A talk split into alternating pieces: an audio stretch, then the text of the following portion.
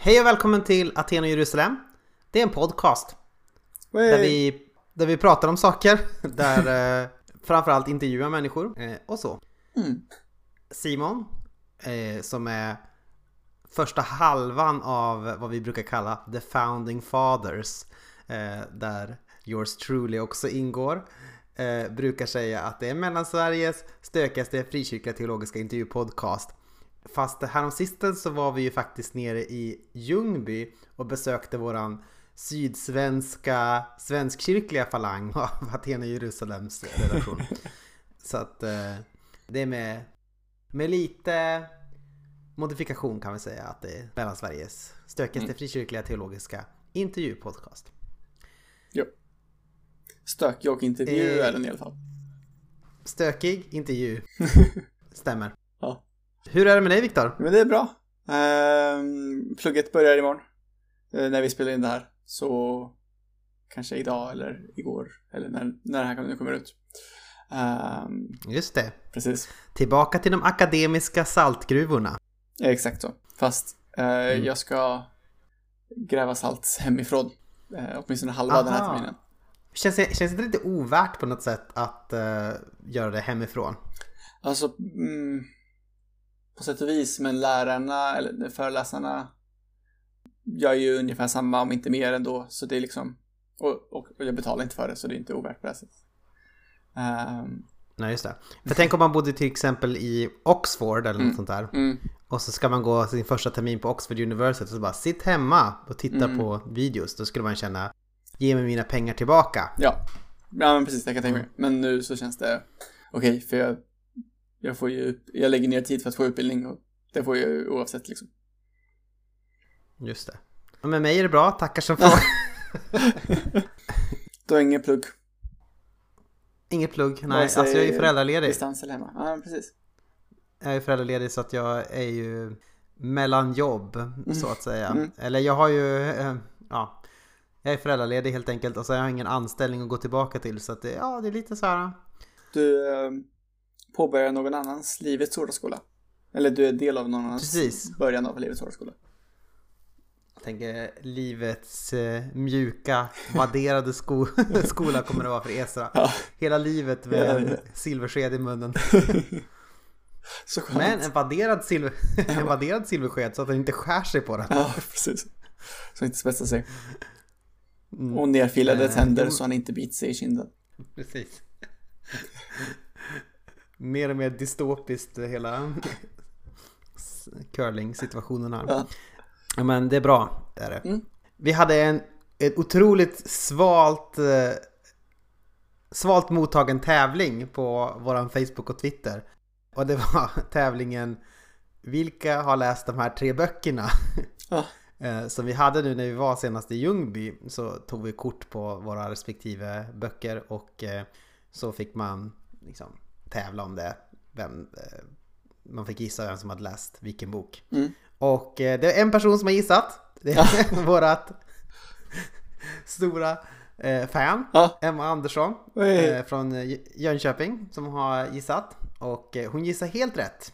ja, hon, hon har lyssnat så mycket att hon kan fördomsprofila oss rätt hårt. Det är ju då att Maja läste ju såklart den här eh, Salinger-boken. Mm. Eh, och eh, den här, vad heter det, Golden Finch heter den väl? Goldfinch, The Goldfinch. Mm. Den läste Annika. Mm. Hon är med i bokklubbar, bokklubb som hon läser sånt. Och jag läste den här uh, Christianity and the New Spirit of Capitalism. Mm. Eh, så att det, det var lätt att gissa.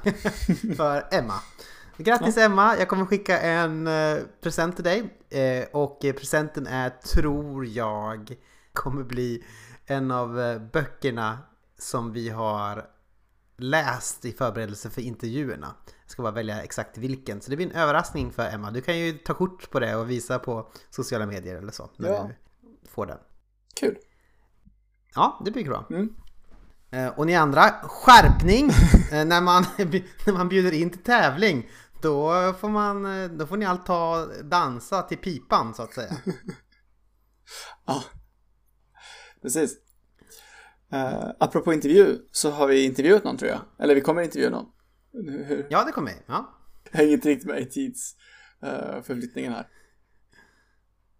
Eh, nej men vi, vi, ja precis, vi har ju intervjuat den men ni lever ju med den radioillusionen om att vi ska intervjua den, att den kommer snart. Så, men vi vet ju redan vad som kommer hända. Ja.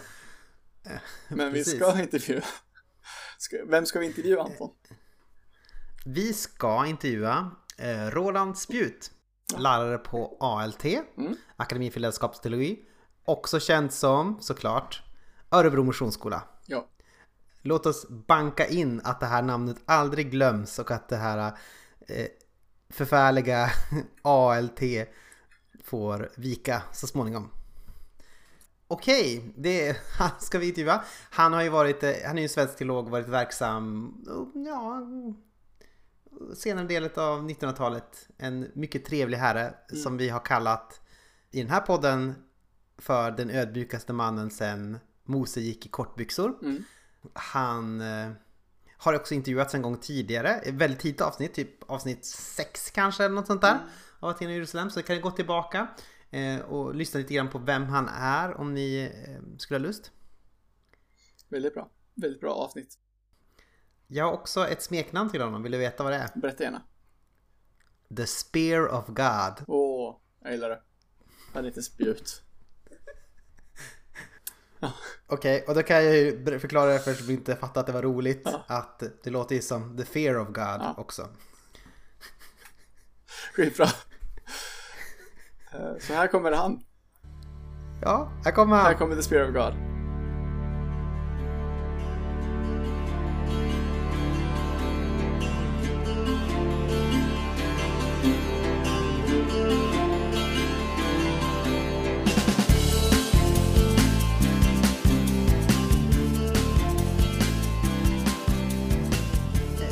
Hej och välkomna!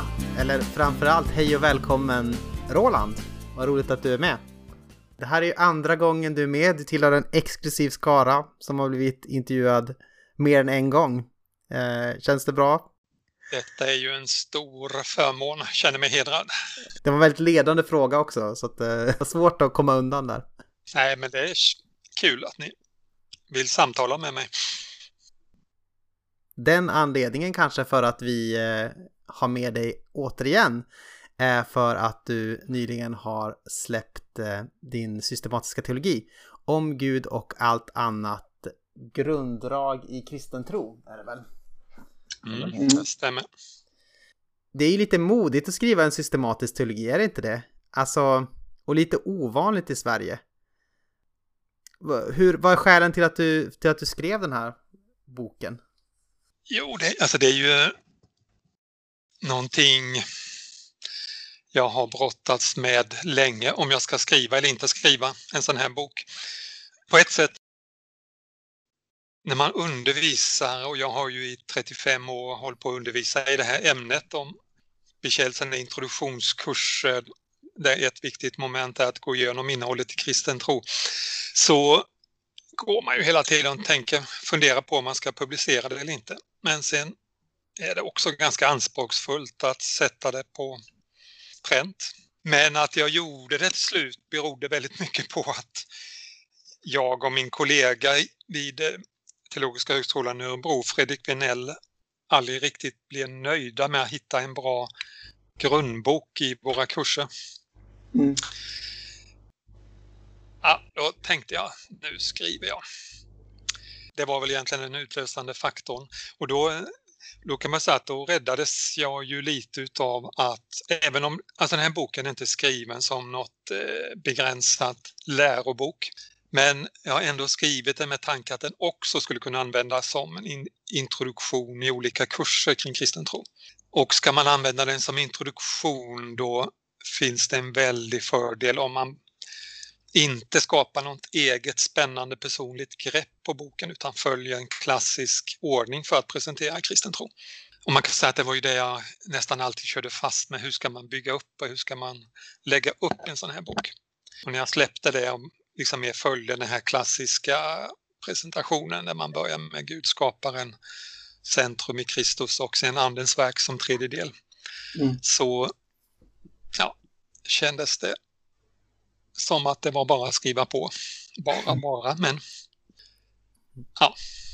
Vilka, vilka andra sorters upplägg laborerade du med i, i idé, på idéstadiet?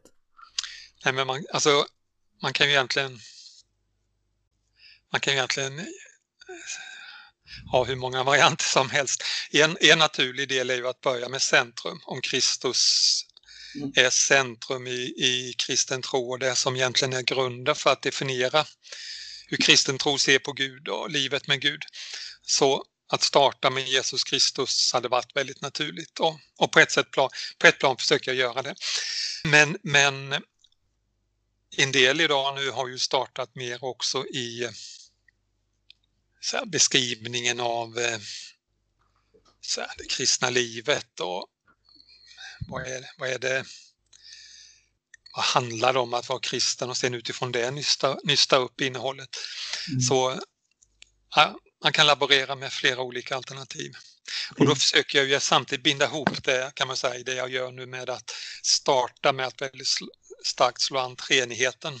För treenigheten är ändå ett sätt att tala om kristen tro där man ändå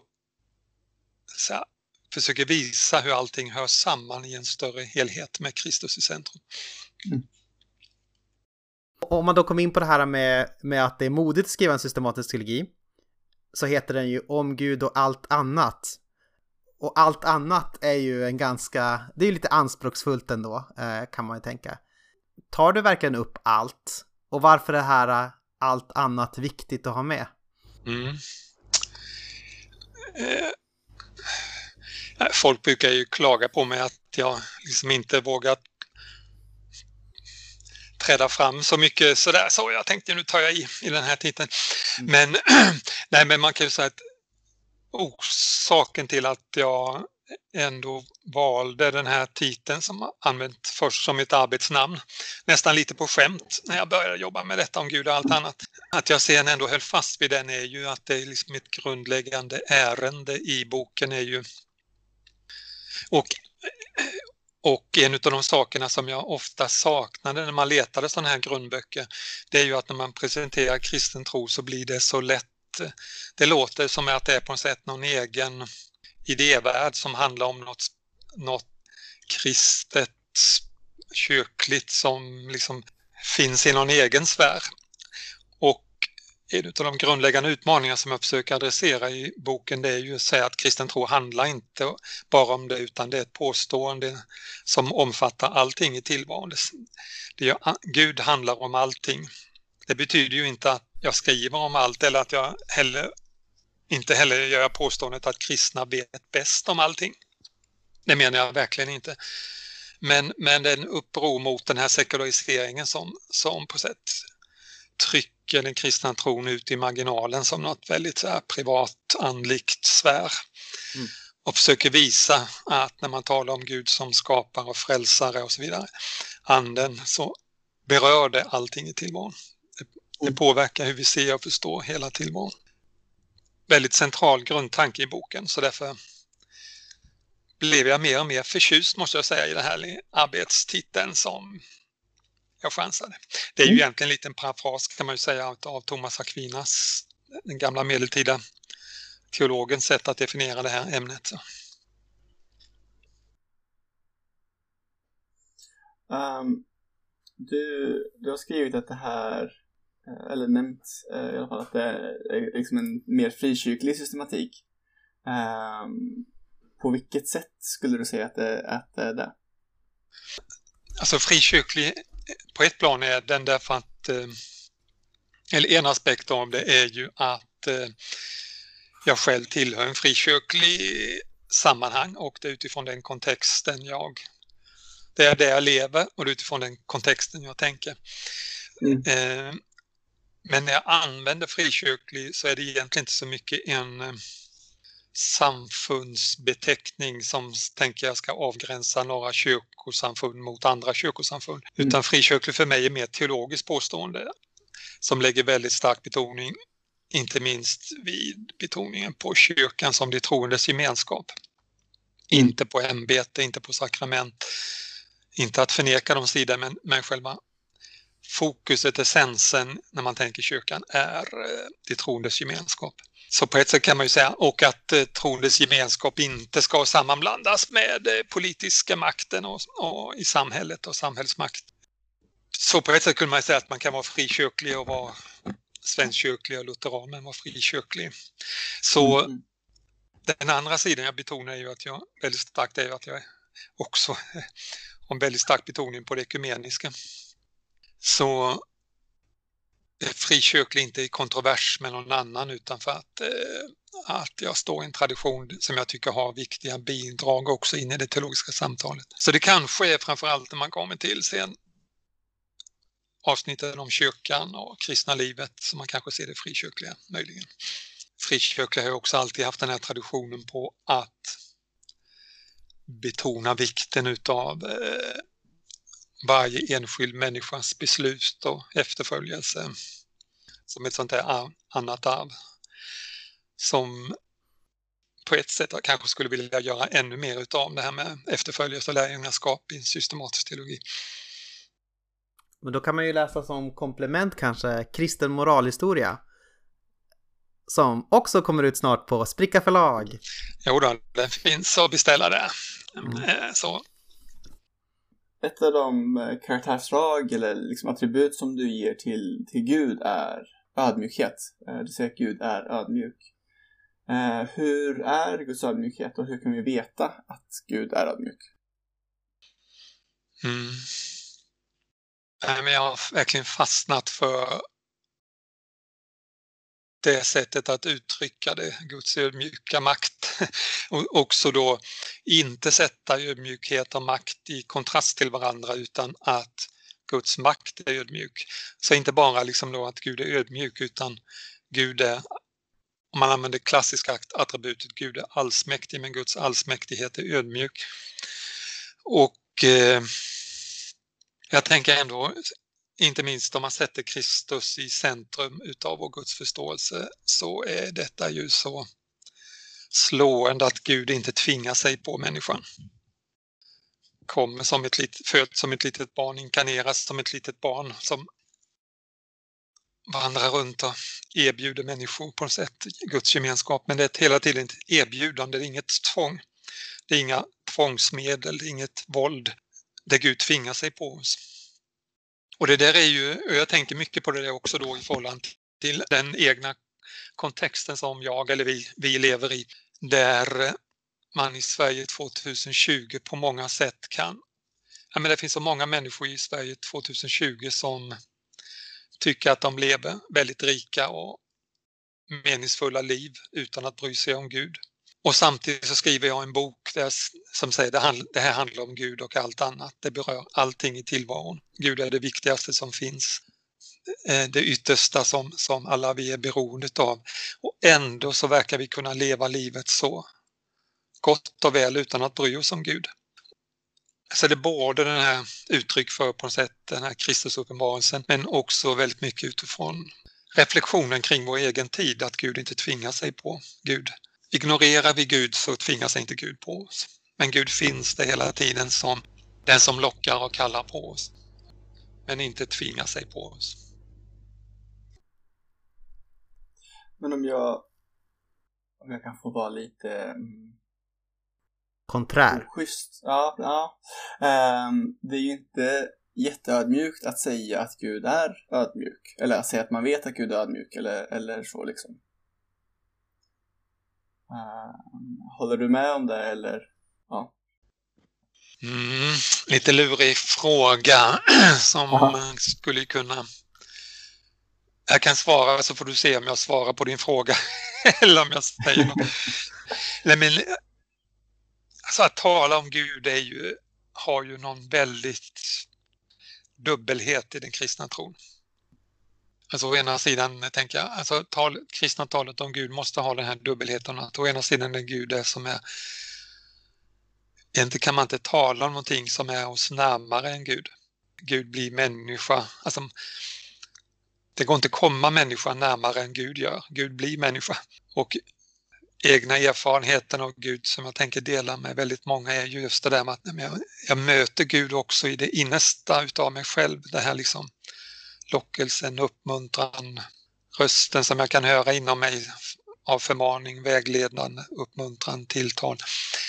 Det är liksom Augustinus uttrycker det, det är djupare inom mig än jag själv kan komma.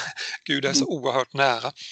Och den Gud som vi möter som kommer oss nära i Kristus och i den heliga Ande kan vi tala om. Vi kan liksom tala om vilken, vad, är det, vad är det för Gud vi möter och hur Gud mm. handlar med oss.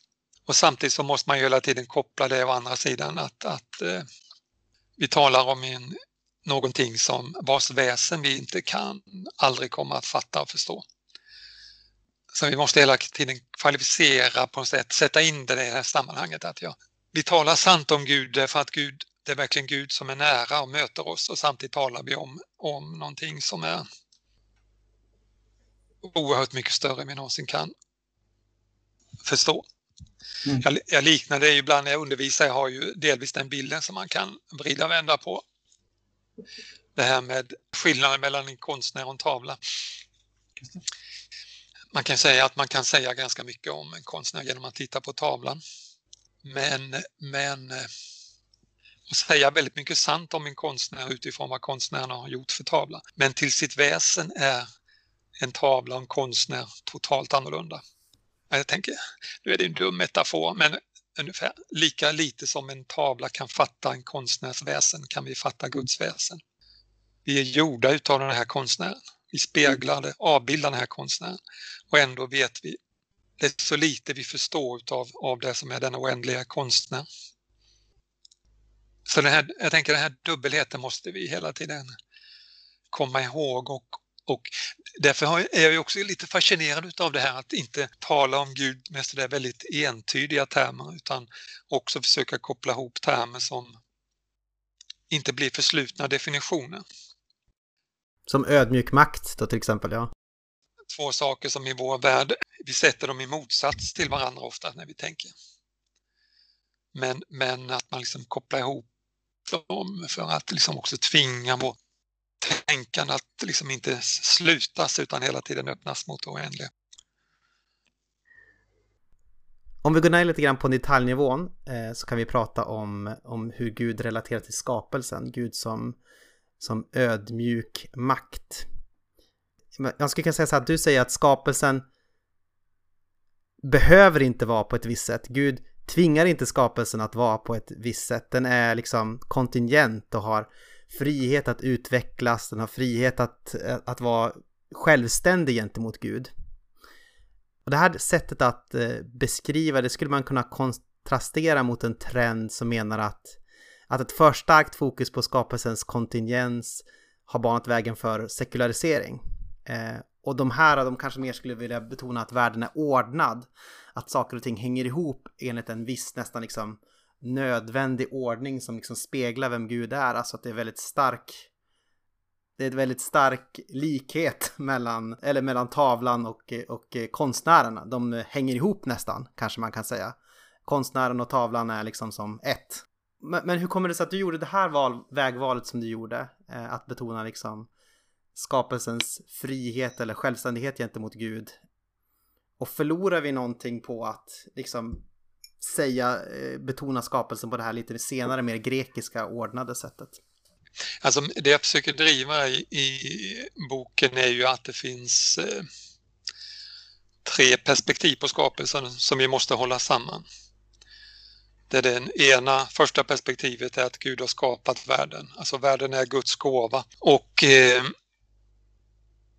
för den som har ögon att se så kan man liksom titta på världen och verkligen drabbas och förundras utav den skönhet som finns och den ordning som finns i tillvaron. Och det är ju det klassiska gudsbeviset också, att man, ja, men världen är så skönt ordnad.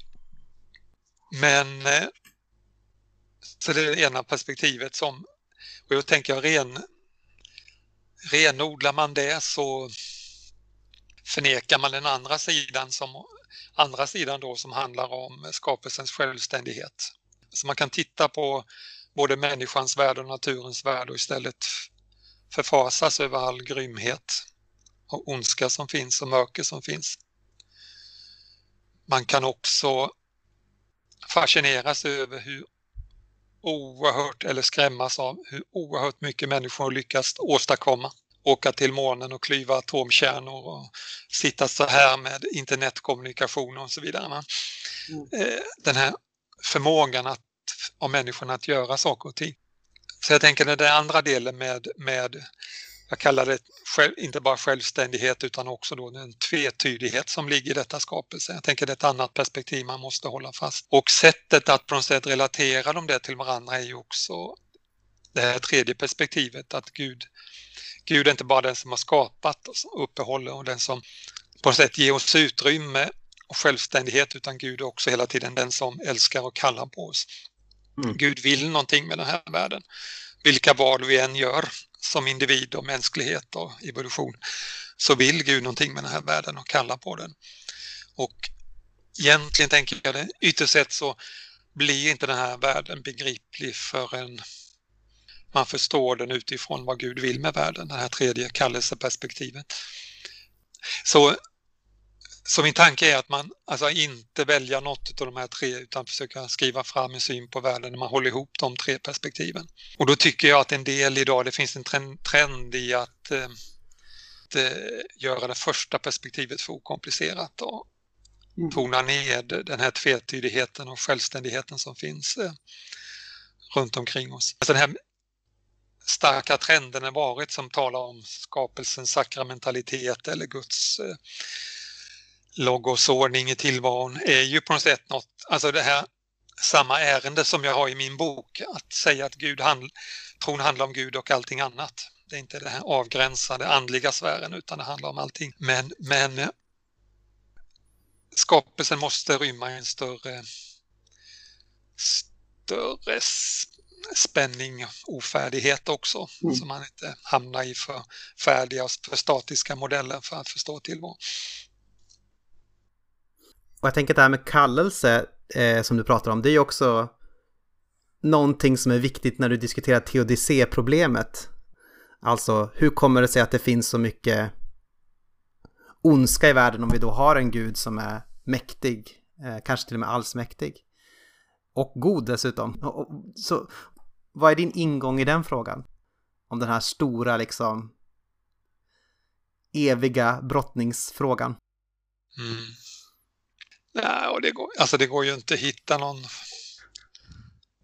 teoretisk lösning så, men, men kristna svaret är ju väldigt mycket eskatologiskt, alltså vad, mm. vad, hur kommer allting att sluta, vad, vad gör Gud med en lidande människas liv eller med en lidande historia, vad, vad blir, vad blir slutresultatet? Så, så här ligger ju, kallelsen ligger ju det är ju helt rätt att det är liksom samma avgörande perspektiv. Alltså man kan ju säga att ja, men en del i ondskan är den här friheten som skapelsen är given. Det är en del i mm. förklaringen. Men, men det liksom är en pusselbit. Det, det, det, svarar, det ger inte svaret på en massa olika följdfrågor och frågor som, det inte, som man inte kan svara med det. Det är liksom en pusselbit. Och det yttersta kristna svaret ligger väldigt mycket i hur slutar allting?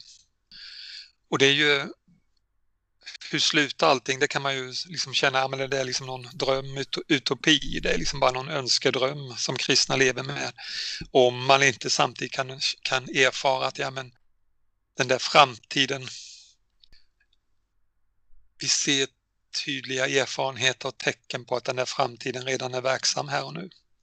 Det är inte bara, framtidshoppet är liksom inte bara där borta någonstans som ska lösa allting utan det måste vi kan ha det hoppet för att man kan se framtiden och Guds närvaro och Guds kallelse som verksam på olika sätt här och nu. Jag brukar tänka på, på 1984, boken, när jag, när jag tänker på det här. Då är han ju intagen, huvudpersonen, till The Ministry of Love, som då ska liksom omvända honom så att han ser på saker i rätt perspektiv enligt enligt eh, partiets mening då. Och då är det den som förhör honom heter O'Brien. Han säger vid ett tillfälle, vill du ha en bild av framtiden så föreställ dig en, en stövel som trampar ner sin fiendes ansikte i all evighet. Och det brukar jag tänka på att, ja men det kristna svaret är kanske inte så mycket på varför varför trampar folk ner varandra med, med stövlar.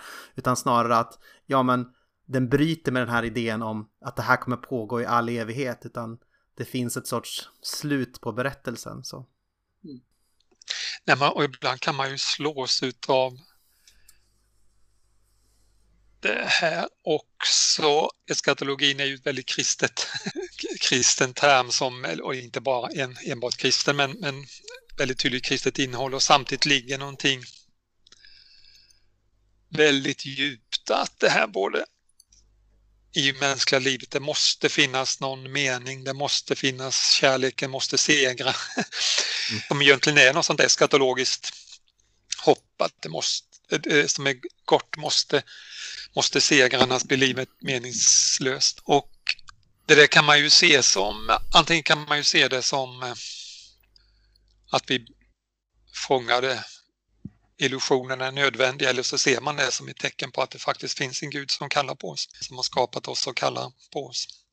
En annan sån där viktig betoning i boken i förhållande till detta är ju också att jag, jag också försöker skriva att de här tecknen, framtidens närvaro i, i här och nu handlar inte bara om uppståndelsens seger utan handlar också om korsets närvaro i lidandet. Alltså segern Guds seger, framtida seger, kärlekens seger kan visa sig minst lika starkt i en lidande människa som i en helad människa. Båda, mm. båda de vägarna, båda de kallelserna är på något sätt en del i också det som är kyrkans kallelse och liv och i båda, på båda sätten kan framtidens och Guds seger manifesteras i den här världen och förmedlas i den här världen. Mm. Vem är Jesus Kristus? Ja, jag skriver väl 90 och 100 sidor om det kanske. Ett kapitel är ju att skriva fram den bibliska berättelsen om Jesus som ju handlar mycket om jag menar, hans liv, död och uppståndelse. Och ett, en sak som har varit viktig för mig är ju att eh, verkligen försöka skriva en systematisk teologi som tar hela Jesu liv på allvar. Alltså inte bara, mm, mm. inte bara fokusera korsfästelsen eller möjligen uppståndelsen utan, utan också hela hans liv och verksamhet. Och Guds riks förkunnelse, kallelse, kallelse till lärjungaskap och förnyad gemenskap med Gud. Så den här bibliska bilden är ju en byggsten och sen bygger jag ju på de här klassiska att, att eh, Jesus i, i Jesus Kristus vi möter vem Gud är. Det är liksom den fullaste Guds uppenbarelsen. Men det är också när Gud kommer till oss i Jesus Kristus så blir det också tydliggjort vad är det sanna mänskliga livet. Och sen är Jesus också vägen där de här sanningen om Gud och sanningen om människan kan förenas. Han, han liksom för mig är Kristus också väldigt mycket det här Guds ingripande i världshistorien för att öppna vägen för gemenskapen, full gemenskap mellan Gud och människa. Jag tycker fortfarande det är väldigt meningsfullt att använda de här gamla klassiska trosbekännelsen Jesus som sann Gud och sann människa. och föreningen av Gud och människa, han är vägen för människans eh, gemenskap med Gud. Det är ju lite lite diffust svar på en väldigt stor fråga. Men om man hakar fast med det här äh, gemenskapen eller försoningen mellan Gud och människa så kan man, så säger du vid några tillfällen att den här äh, försoningen behöver gestaltas och ges rum. Och det rummet är kyrkan och församlingen.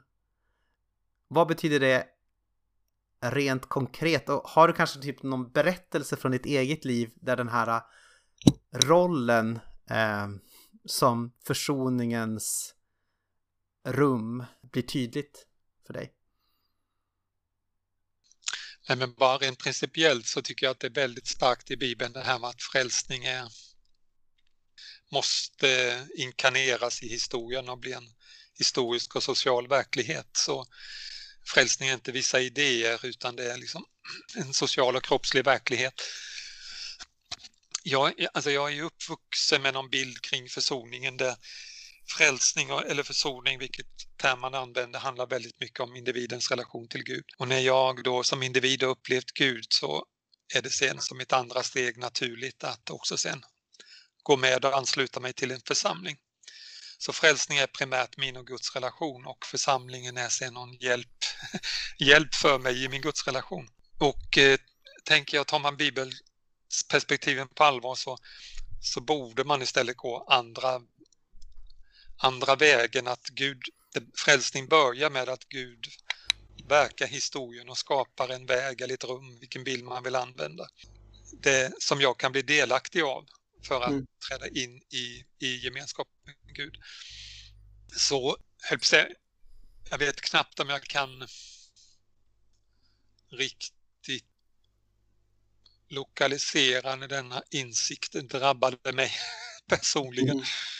Och omvärderingen, det är nog en process som har gått i, i väldigt många steg men, men det kom ganska tidigt när jag själv började läsa teologi. En del var ju det här väldigt starka också återupptäckten utav Guds rikes, Jesu Guds riks förkunnelse.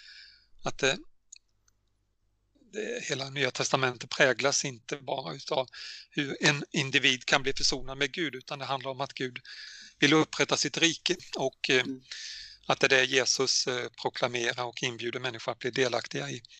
Så den där exegetiska omläsningen både utav evangelierna och Paulus som var så viktig där när jag höll på formas i min teologi på förra seklets sista årtionden, där 80, 80-talet, 70-talet, så det där präglade mig nog väldigt mycket. Men sen, och sen slås jag ju själv också utav, ja men rent här, personligt också så inser ju man med åren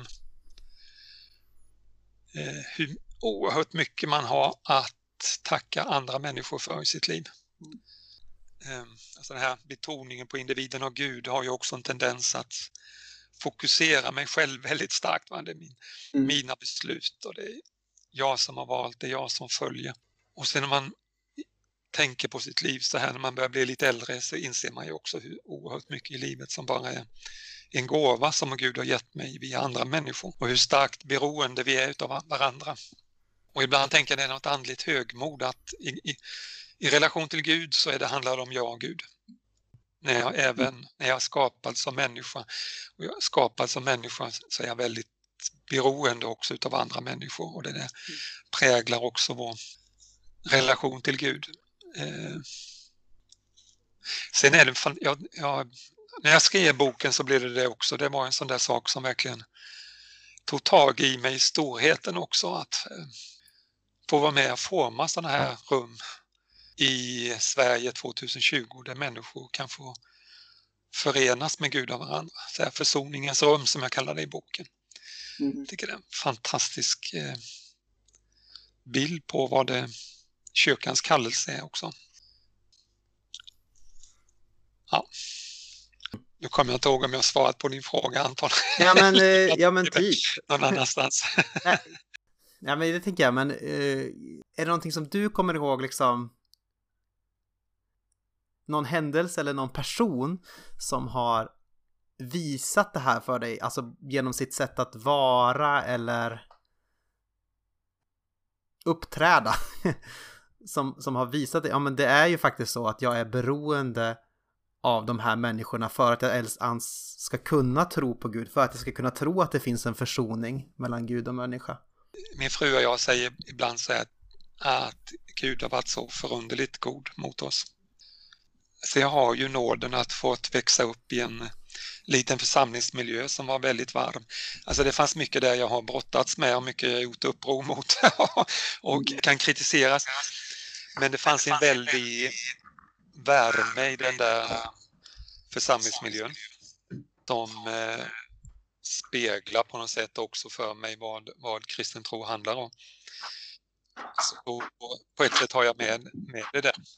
Sen när, när jag själv var i brytpunkten, framförallt gymnasieåldern, så hade vi en, en bönegruppsgemenskap framförallt byggd på gymnasister och studenter som stöttade varandra som betydde fantastiskt mycket för mig.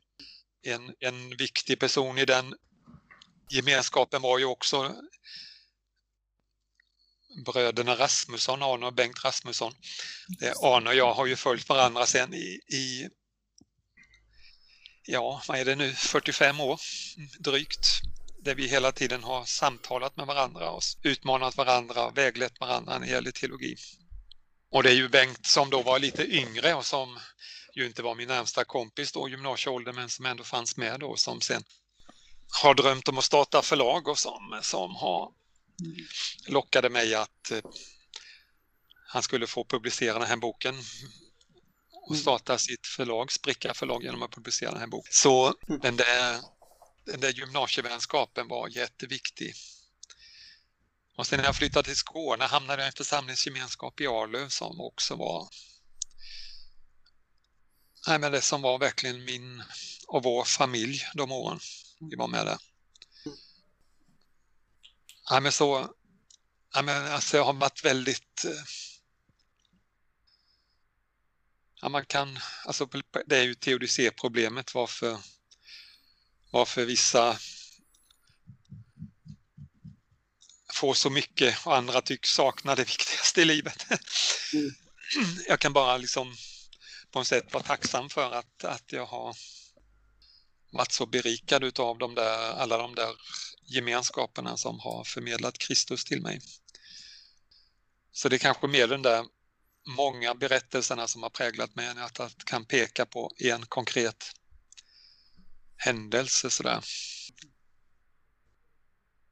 Men det är ju verkligen så, alltså jag möter ju många i min generation som upplevt den frikyrkliga miljön också som kvävande och förtryckande och som har varit, liksom känner enda sättet att göra upp med den här trånga fördömande miljön är att bryta totalt med, med frikyrka eller kyrka. Och ibland då bryta med tron också. Och jag ser ju den kritiken och det berättigade den kritiken. Men jag har aldrig, jag har inte liksom jag har inte dragits åt det hållet för jag tycker jag hela tiden har mött så mycket värme och eh, mm. så mycket av Kristus som har förmedlats till oss, till mig genom alla de där relationerna och gemenskaperna. Mm. Och då kan man ju undra eh, på vilket sätt faller inte allt det här ihop till bara enkel sociologi? Var finns Gud? Var finns Guds plats så att säga? Det är ju en, en av grundtankarna i boken är ju också detta att vi så väldigt lätt skapar någon sån där kontrast mellan det gudomliga och det mänskliga. Så att vi tänker ju mer Gud, ju mer Gud får utrymme, ju mindre mänskligt blir det kvar. Och det, din fråga uttrycker ju lite det där va, om vad är det som gör att eh, borde, om Gud är det viktigaste borde inte sociologin försvinna då, de mm. sociologiska aspekterna försvinna. Och jag tänker då, alltså hela, på ett sätt hela, hela, men en oerhört viktig grundtanke i boken är ju det att Kristus motbevisar det, att när Gud blir, när Gud blir människa så blir inte Jesus mindre människa utan full, full människa. Det fulla mm. gudomliga, det fulla mänskliga hör samman. Jag menar, jag har det här klassiska exemplet, ska Gud bestämma eller ska jag bestämma? Alltså, ska jag totalt tro och strunta i mitt förnuft eller ska mitt förnuft ta över och jag glömmer Gud? Och jag istället säger, nej men ju mer tro ju mer förnuft. Så säger jag. De står inte motsats utan de berikar varandra. Ju mer Gud, ju djupare sociala band, tänker jag.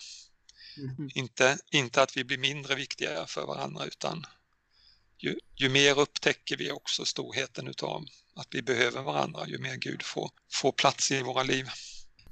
Men det är klart det finns en risk att Gud försvinner i försvinner i våra liv och att köka bara blir socialt umgänge. Trevligt, det blir trevligt. Det, det, det är egentligen...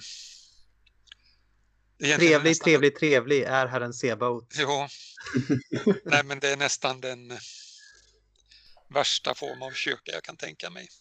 En kyrka där allting är trevligt men det inte finns någon påtaglig mm. gudsnärvaro, hur man nu ska beskriva den i, i att Gud är viktig i människors liv, att Gud är viktig när man firar gudstjänst. Mm. Att man ber till Gud, tillber Gud. Tro på Mm. Gud, lita på Gud. Allt det där som, som, som speglar Guds närvaro.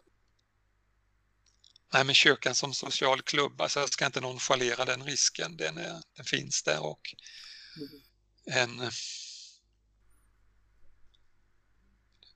Nej, men frikyrkan kan hamna där, det är trevlighetsklubben verkligen. Nej, den är plågsam. Men i grunden så, så håller jag fast vid min, min så här kan man kalla det också den väckelsekristna miljön just därför att jag tilltalas av just det där att det, det är en miljö där Gud och Guds tron är så viktig. Den kan aldrig bara bli rutiner och umgänge och så här. Gud är, Gud är alldeles för viktig. Men det får inte, betydelsen av Gud får inte ställas i kontrast till, eh, till sociala relationer och förnuftet och samtalet, kritiska frågorna, allt det där som tillhör det mänskliga livet, tvivlet och så vidare. Det är ganska lätt inom teologi, kanske framförallt inom systematisk teologi, att falla ner i eh, abstrakta kategorisvar liksom. Ehm, men men eh, Bibeln ger, och, och du säger det, eller du skriver det också, ehm, betonar mer det narrativa än, än det liksom filosofiska. Svaret är, är och vi, vi pratar om det eh, när vi pratar om teodicéproblemet, liksom att det är alltings fullkomliga eskal, eskatologiska upprättelse som är det viktiga. Eh, men vad, vad är den kristna berättelsens slut? Vad händer vid, vid tidens slut liksom? Ja, precis. Det är ju... Tala... Alltså här talar vi också om någonting som ligger bortom våra kategorier. Så, att, så Mm. Det är ju likadant här, man måste vara väldigt ödmjuk. Men, men här, här har jag ju en väldigt så här, konkret personlig berättelse när eh, jag förändrade mitt sätt att tala om framtiden. Detta var, det var ju under min studietid när jag studerade teologi och jag höll på med ett tolkningsarbete av första Korinthierbrevet 15 som handlar om det här uppståndelsekapitlet. Och eh, jag satt sådär som jag egentligen inte brukar göra i ända långt in på natten och jobbade med den där, skrev färdigt den interpretationen och blev så oerhört välsignad utav det. Och på morgonen efter får jag reda på att en av mina två mostrar dog precis samtidigt som jag slutade skriva. Och eh, jag har två mostrar då som aldrig fick egna barn utan vi var ju deras extra barn och de har bett för mig hela livet. Eh, och den där kopplingen blev så tydligt för mig. Både här, död, vad är din udd? Men, Mm. men också det här skillnaden mellan ett vetekorn som läggs i jorden och en dag ska uppstå. Alltså det är sån oändlig skillnad mellan ett litet vetekorn som ska uppstå till någonting annat. Men framförallt är det, det som verkligen slog ner den där natten var ju också, alltså den här processen var ju också detta att framtiden är inte, återigen, det är inte att dra ett streck över den här historien av våra liv, utan det är full, fullbordan utav våra liv. Så fullbordan, så framtiden då, liksom i den där processen tänkte jag, ja men vad är framtiden? Jo, det är ju att få träffa Lilly igen. Och Lilly hon ordnade alltid, jag är uppvuxen i granskogarna i Småland, där vi knappt såg solen höll jag på att säga. så på sommaren så ordnade Lilly så att vi i storfamiljen då packade ihop oss i en eller två bilar, sen åkte vi på semester till havet. Så det där blev någon bild på eskatologin, fullbordan, liksom återigen få gå med Lilly och titta, över, titta ut över havet. Så även om alla bilder är så oerhört begränsade, det är som små senapsfrö som en dag ska uppstå till någonting annat, så, så ta, försöker jag tänka, alltså tänker jag viktigt ändå att tala om framtiden så att det är fullbordan på det här på vårt mänskliga liv, det är fullbordan på historien, det är inte ett stort streck över våra liv och över historien. Och det tänker jag att det är viktigt med våra bilder. Jag har, jag har ju en bror, vi har tre syskon men min bror och jag är oerhört täta på varandra och han, han har ägnat hela sitt liv åt musik, spela och sjunga och Mm. gör det fortfarande. Och jag var totalt ointresserad av musik och sång. Eh, Och därför var ju den här bilden för mig var ju plågsam. Tänka mig att jag ska gå i himlen på gator och guld och spela på harpa och sjunga hela livet. det var totalt det var totalt oattraktivt. Men att gå med Lilly och titta ut över havet. Ja. Ja. Jag kan känna någonting fortfarande, att titta ut över havet, någonting utav det här eviga, storheten i det eviga. Så vilka bilder vi använder tänker jag ändå är viktigt, även om de är mm. väldigt begränsade så är de viktiga. För de liksom sluter våra tankar, leder dem fel eller öppnar våra tankar åt rätt håll. Vem tycker du att vi borde intervjua i den här podcasten? Ja, jag testade ju att ni redan hade haft Pekka precis. Det var ju, mm. annars hade det varit mitt alternativ här. Vi har ju talat en del om det här med frikyrkligt. Ni, borde ju, ni kunde ju ta en podd till med Arne. Ja, det kan vi göra. Han har ju skrivit en eh, och håller ju på mycket med också att titta på den frikyrkliga traditionens betydelse för att också vara med och öppna upp världen för det nya och för förändringar och för bättringar och mm. frikyrkans betydelse i den historiken. Fint. Men tack så mycket för eh, din tid. Ja. Ja, tack för att ni är intresserade av att prata om min bok. Det är ju väldigt kul.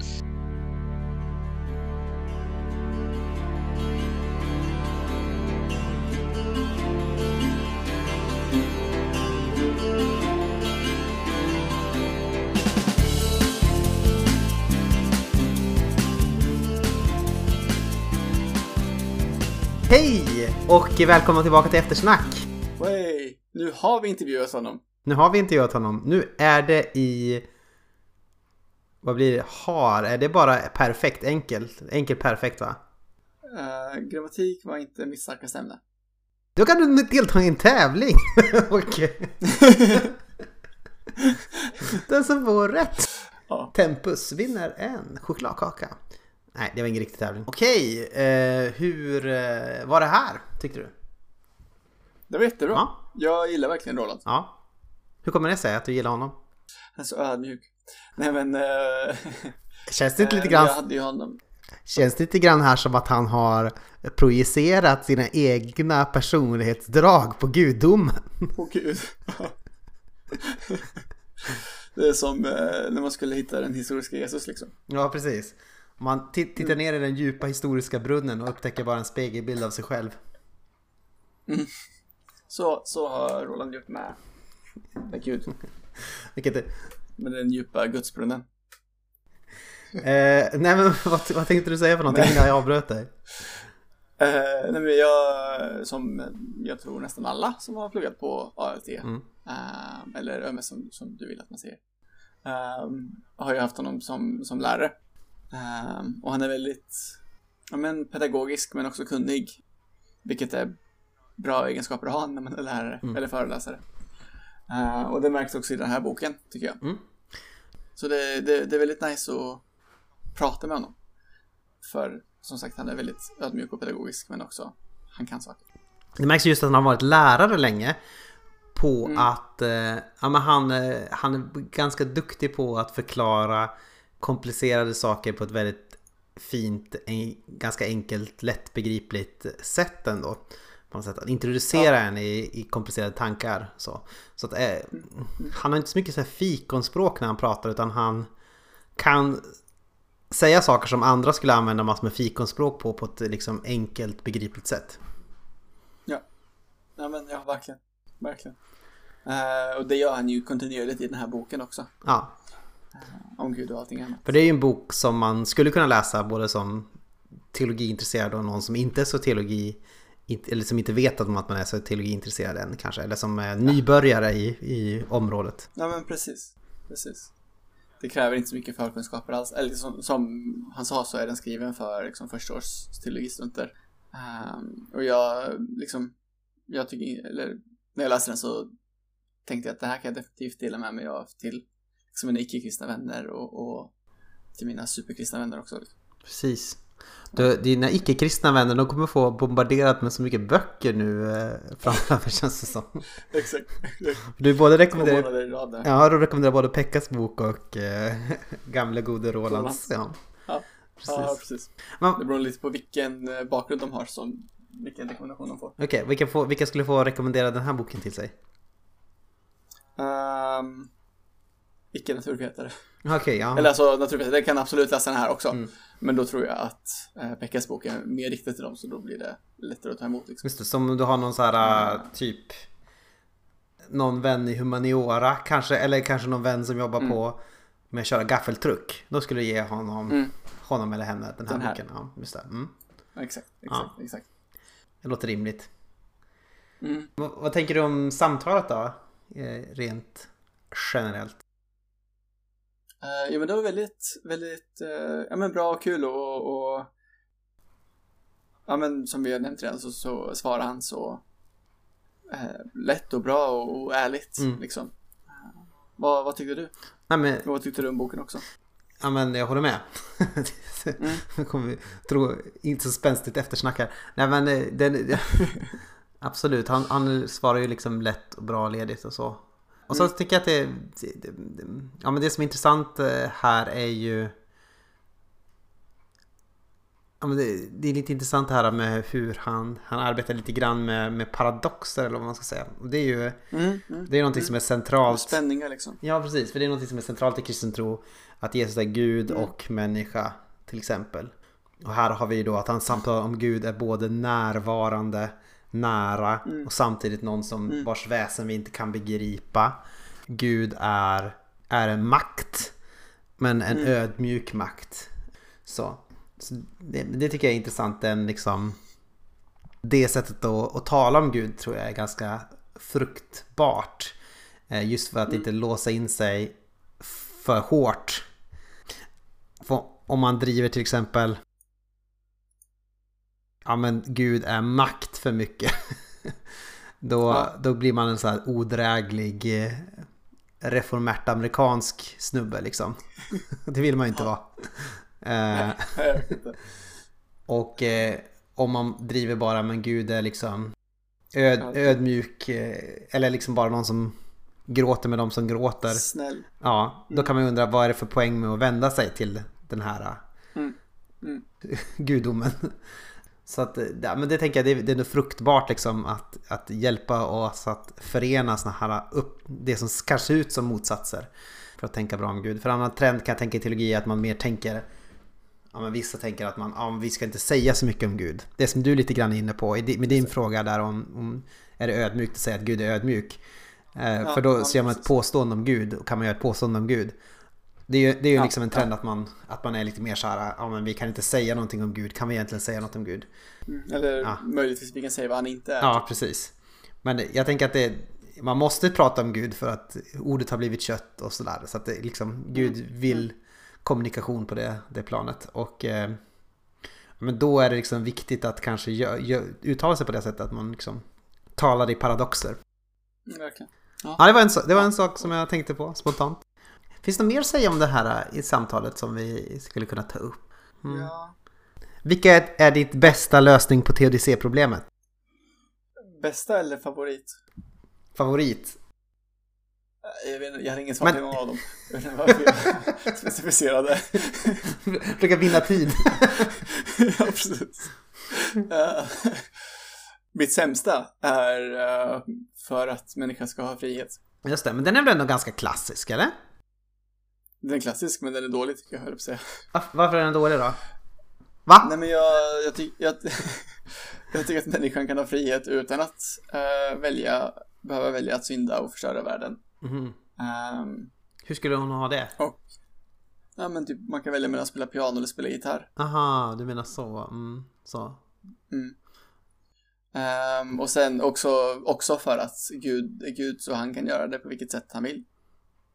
Ehm, och liksom om vi i himmelriket kommer vara goda och det inte kommer finnas någon, några tårar. Men jag tänker vi fort, kommer fortfarande vara fria i himmelriket, eller? Mm. Ehm, liksom, nu så är det så kul att säga nej men vi är inte robotar, skulle hellre vilja vara en robot, men liksom kommer vara robotar i himlen då?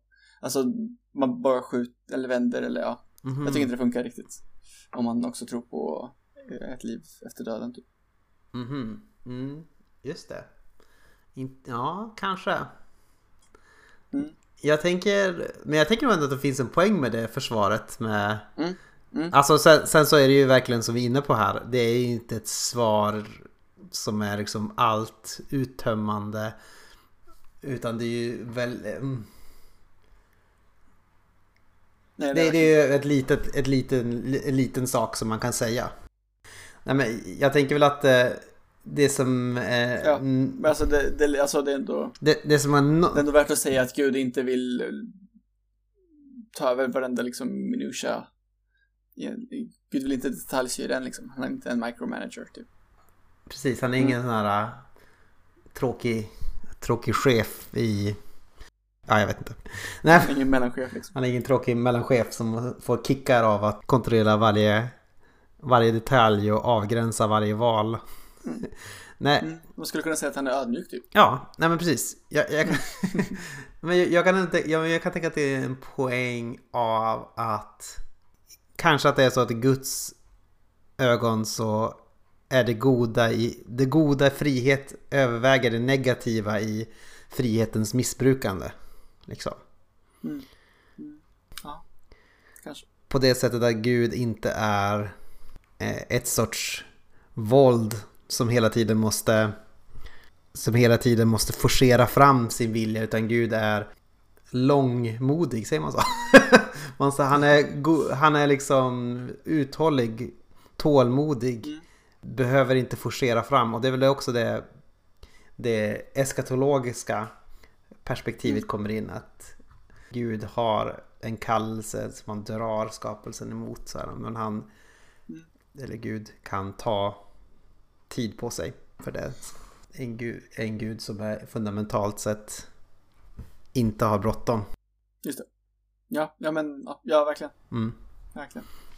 Ehm, Hmm. Men just i teodicéproblemet tycker inte jag det löste det riktigt. Eller ja, det, det är bra att säga om Gud, men jag, men jag tycker inte det är jätterelevant i teodicéproblemet i, min, i mina tankar i alla fall.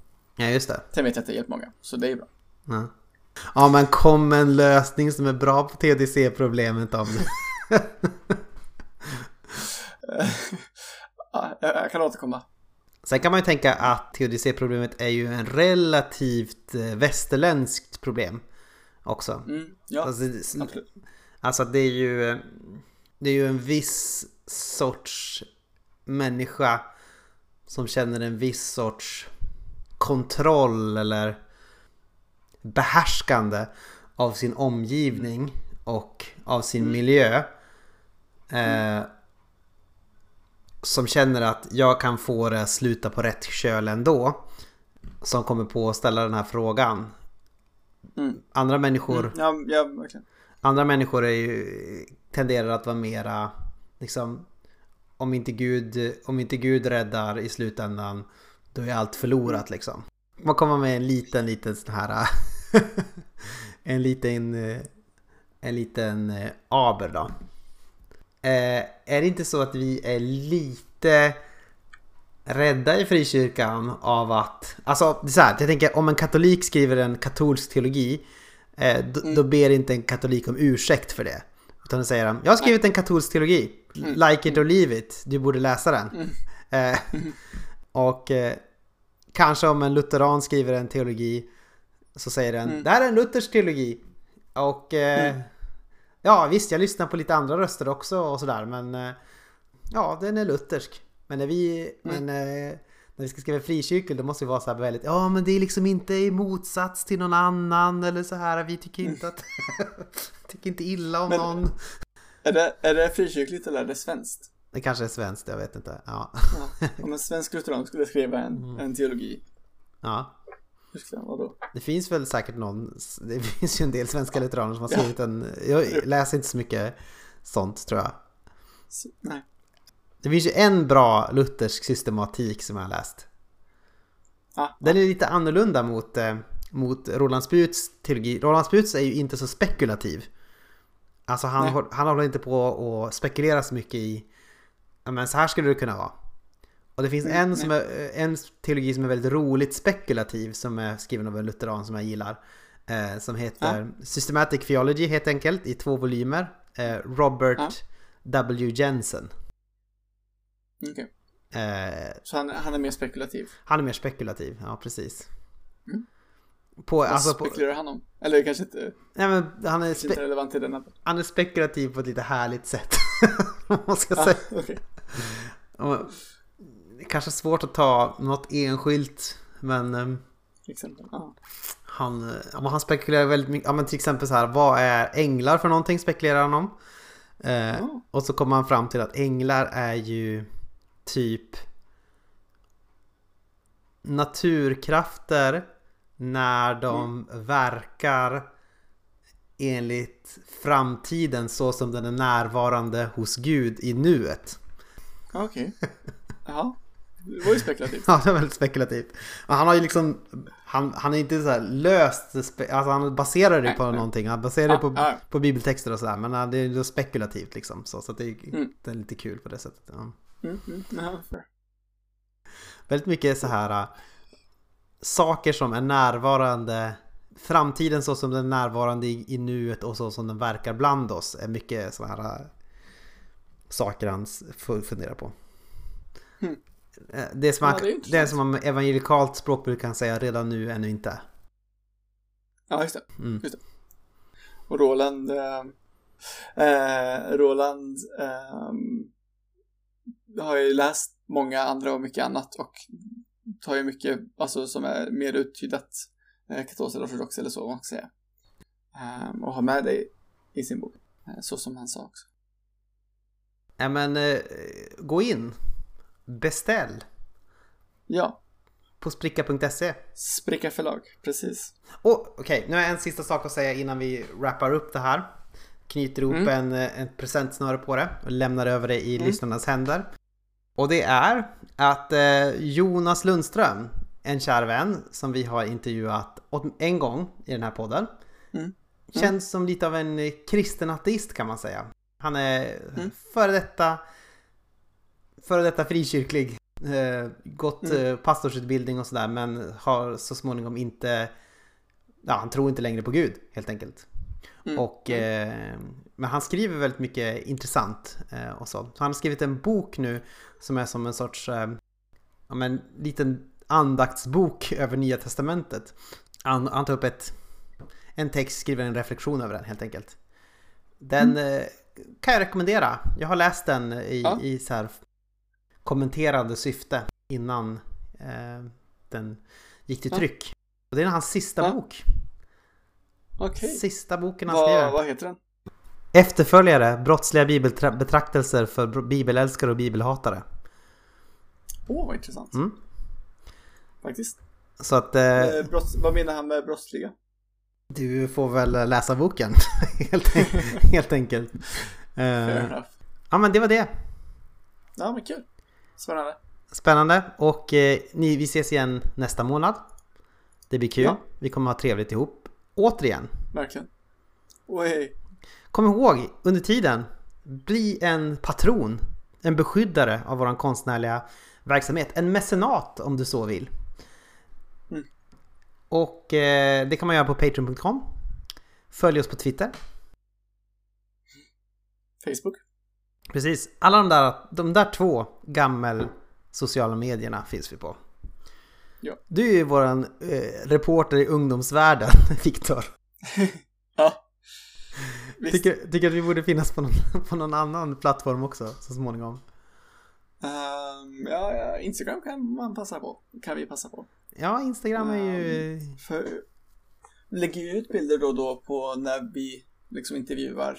Ja, ehm, och så. Och där kan man lägga ut på Instagram också. ja vi funderar, funderar på det om vi ska Mm. göra det. Vi, sä, vi sätter dig på det. Eh, visst, absolut. Ja. Men eh, Facebook, Twitter och kanske Instagram snart då. ja, vi får se. Ja, det, det kan mycket Och- väl hända. Och viktigast av alla, Patreon. Tack för den här månaden. Vi hörs. Ja, tack. Puss kram. Hej puss. Hej.